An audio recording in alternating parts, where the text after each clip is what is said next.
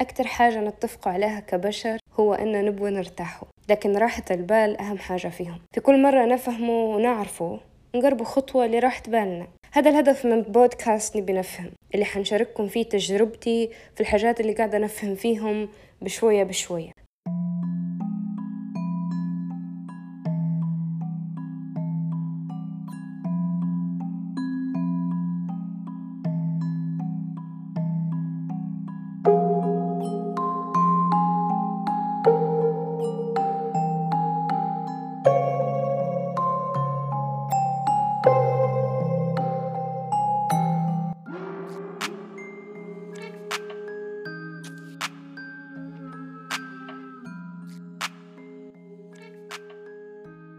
حنحكي لكم قصة. القصة هذه كانت في يامات لما كان في صف أول مستمع صف أول ابتدائي. وأنا كنت خاشة قبل عمري بعامين. فكان في نشيد في نهاية الكتاب بتاع العصفور. آه يقول في جزء منه علمتني أمي أن أطير. وأنا كنت نقرأ في النشيد أو نسمع فيه ما تفكرش. قلت علمتني ماما أن أطير. وأكيد الفصل كله ما تبضحك عليه. موقف واحد خلاني نفكر فيه.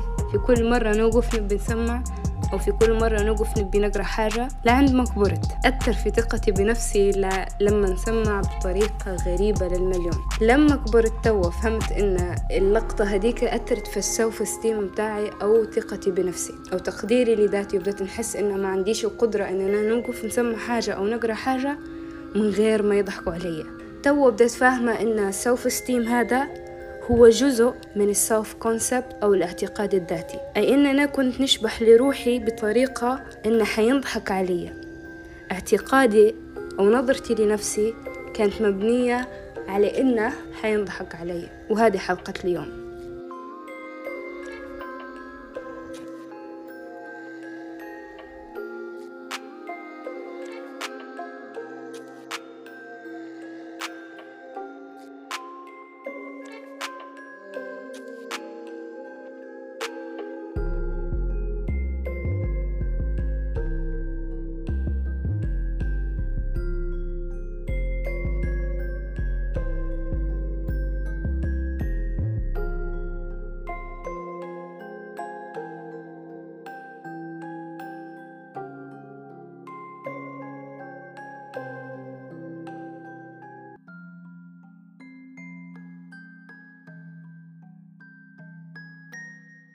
كنت ديما نقرا في جملة تقول I think therefore I am.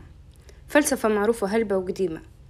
يعني معناها إن أنا أعتقد لهذا أنا أكون أو أنا هيك. ما عمريش فهمتها. لعند ما تعلمت السوف كونسبت أو الاعتقاد الذاتي وقداش ما اعتقادنا على نفسنا يأثر في نظرتنا لروحنا ويأثر في شنو نكون وشنو ما نكونوش. كيف؟ الاعتقاد الذاتي باختصار هو مفهوم الإنسان على روحه.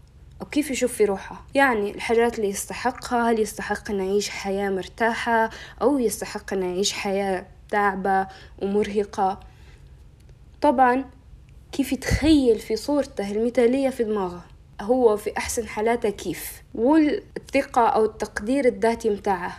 تقبله للي يصير تقبله لروحه تقبله لأخطائه تقديره لذاته وتقديره لأي حاجة يدير فيها. الاعتقاد الذاتي واحد من أعقد الأمور اللي موجودة أو اللي أنا مريت عليها وقريت. إن الاعتقاد الذاتي يتكون من حاجة اسمها سوف إيمج أو الصورة الذاتية اللي تتكون من التجارب اللي مرينا بها وتصرفاتنا في التجارب هذه. الصورة الذاتية متاعي كانت من التجربة اللي أنا مرت بها لما قريت الجزء من النشيد غلط وضحكوا علي. الصورة هذه تساعدنا إن إحنا نعرفوا كيف نشوف روحنا وكيف نتخيلوا في حياتنا أو نتخيلوا في الحاجات الصح اللي إحنا نديرو فيها. طبعا من القصة اللي حكيته لكم أكيد فهمتوا أن الصورة هذه تتأثر هلبة بالنورتشر أو الحاجات اللي تصير لنا أو اللي نغدوا في دماغنا بها. يعني تتأثر من الكلام اللي نسمعه فيه كل يوم. تتأثر من التشجيع اللي إحنا نحصلوا فيه من الناس اللي حولنا بس نقدروا نغيروها لما نكبروا ونقدروا نقولوا لروحنا أو نحاولوا نأثروا في الصورة هي ونخلوها أجمل. شوية تمارين ممكن نديروهم باش نعرفوا إحنا كيف الصورة اللي عندنا في دماغنا لروحنا. واحدة منهم إن نكتبوا قائمة بجملة تبدأ بأنا أنا كذا أنا ذكي أنا غبي ومن غير تفكير بس نكتبه عشرين جملة تبدأ بأنا ومع نهاية الجمل حنعرفوا نوعية الصورة اللي عندنا على روحنا طبعا ننصح ان ما تفكروش فيها وتكتبوا اللي يجي قدامكم على طول باش تجي الصورة زي ما هي موجودة من غير فلتر. الحاجة الثانية اللي تكون ال self concept أو الاعتقاد الذاتي متاعنا هو ال self esteem أو التقدير الذاتي. التقدير الذاتي هو اللي يأثر في ثقتنا بنفسنا. لو نبغوا نحسنوا من ثقتنا بنفسنا لازم ما نخدموا عليه تقديرنا لذاتنا. التقدير من معنى الكلمة نحن نقدروا الحاجات اللي قاعدين نديروا فيها حتى لو كانت بسيطة. هذا علاش الناس اللي عندهم عادة جلد الذات واللي ديما طايحين في روحهم نلقوا ثقتهم بنفسهم ضعيفة. التقدير الذاتي يأثر حتى في كمية إيماننا بقدرات هل إحنا نستحق الاهتمام نستحق الحب نستحق النجاح أو نستحق الحاجات الكويسة أو المش كويسة اللي عندنا؟ وهذا يفسر هلبة تصرفات نلقوا روحنا نديروا فيها من غير ما نفكر. الغريب في الموضوع إن في هلبة ناس كبروا وعندهم صورة ذاتية أو self image مشوهة بسبب حاجات صاروا في طفولتهم أو كلام قعدوا يسمعوا فيه. لكن طبعا نقدروا نخدموا على الجانب هذا ونقدروا نخدموا على ال self esteem أو تقديرنا لذات الاعتقاد الذاتي بالمجمل يحدد قداش ما إحنا راضيين على حياتنا ومتقبلين روحنا. في فلسفة تقول إن الاعتقاد الذاتي في هلبة dimensions أو هلبة أبعاد. الأبعاد هذه مبنية على حاجات الداخل فينا إحنا ومبنية لحاجات نوروا فيها برا للناس. فنظرة الناس لينا الناس اللي يحبونا أكيدا ونظرتنا إحنا لروح كل ما كان في فرق بين النظرتين هما وهنايا يجي دور إن إحنا نسألوا الناس اللي يحبونا كيف يشوفوا فينا ونسألوا روحنا كيف نشوفوا في روح. لو كان في فرق كبير بين النظرتين هما معناها الشخص هو قاعد تعب شوية أو يعاني من شوية أفكار أو محتاج يخدم عليه السوف كونسبت متاعه. لازم نشدد هنايا على ان نسألوا الأشخاص الصح مش أي شخص.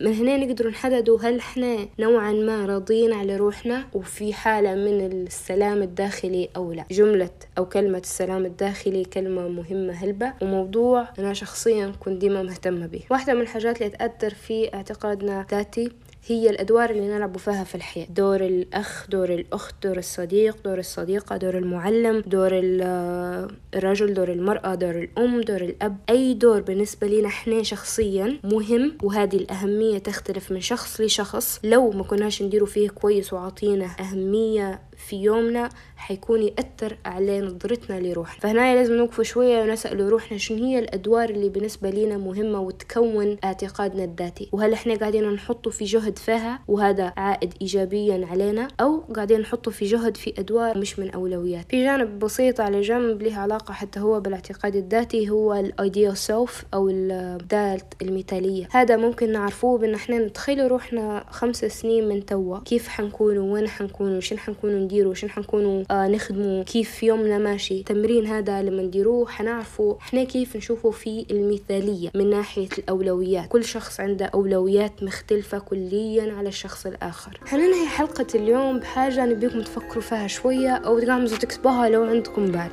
شنو هو الكلام اللي تقولوا فيه لروحكم كل يوم؟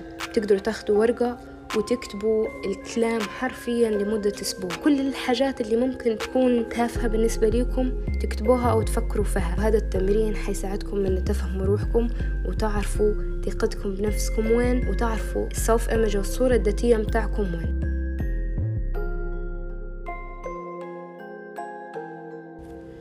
وهذا بودكاست نبي نفهم. أنا سلمى الشريف. شكرا لكل حد قاعد يسمع وياخد في وقته. ويفهم في اللي أنا فهمته. نلتقي في حلقة تانية.